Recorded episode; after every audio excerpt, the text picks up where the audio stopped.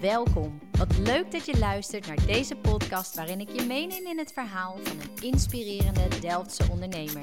Welke stappen zijn er afgelegd om uiteindelijk het avontuur aan te durven gaan? En het geeft jou een kijkje achter de schermen. Dit is het verhaal achter deze podcast. Hey hallo, ik ben Tamara Vreugdeneel. Wat leuk dat je luistert naar Het Verhaal Achter. In deze reeks ga ik in gesprek met inspirerende Delftse ondernemers.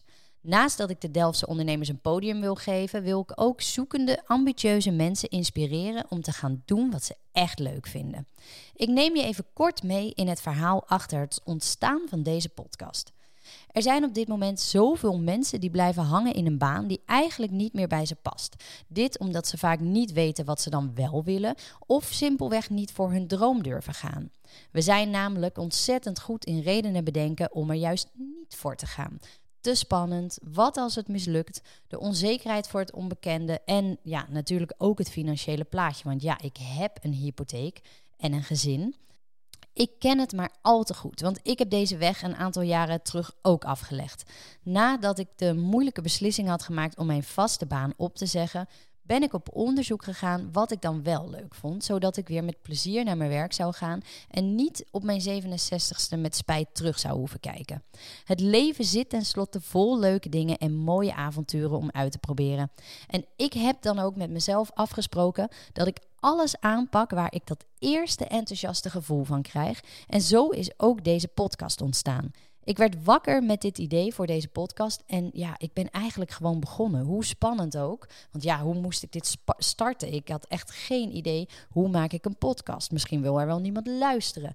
Maar toch ging, ging ik mijn uh, nieuwsgierigheid en enthousiasme achterna en stond na twee weken de eerste aflevering online.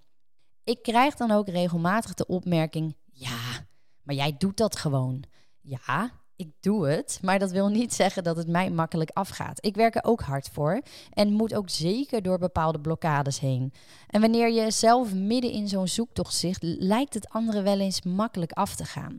Zij gaat er wel voor, of ja, het, komt haar, het lijkt haar wel aan te komen waaien, of ja, zij doet dat gewoon zomaar. Maar niemand doet het gewoon. De meeste van ons moeten allemaal een aantal blokkades overwinnen om die stap ook daadwerkelijk te durven zetten. En dat is spannend, maar dat is het voor iedereen. Naast dat ik je een kijkje wil geven met deze podcast in de verschillende beroepen, wil ik je vooral meenemen in het verhaal, in het echte verhaal van die ondernemer. Want ook zij doen het niet gewoon. Ook zij hebben bepaalde angsten moeten overwinnen en daar is nou eenmaal lef en moed voor nodig.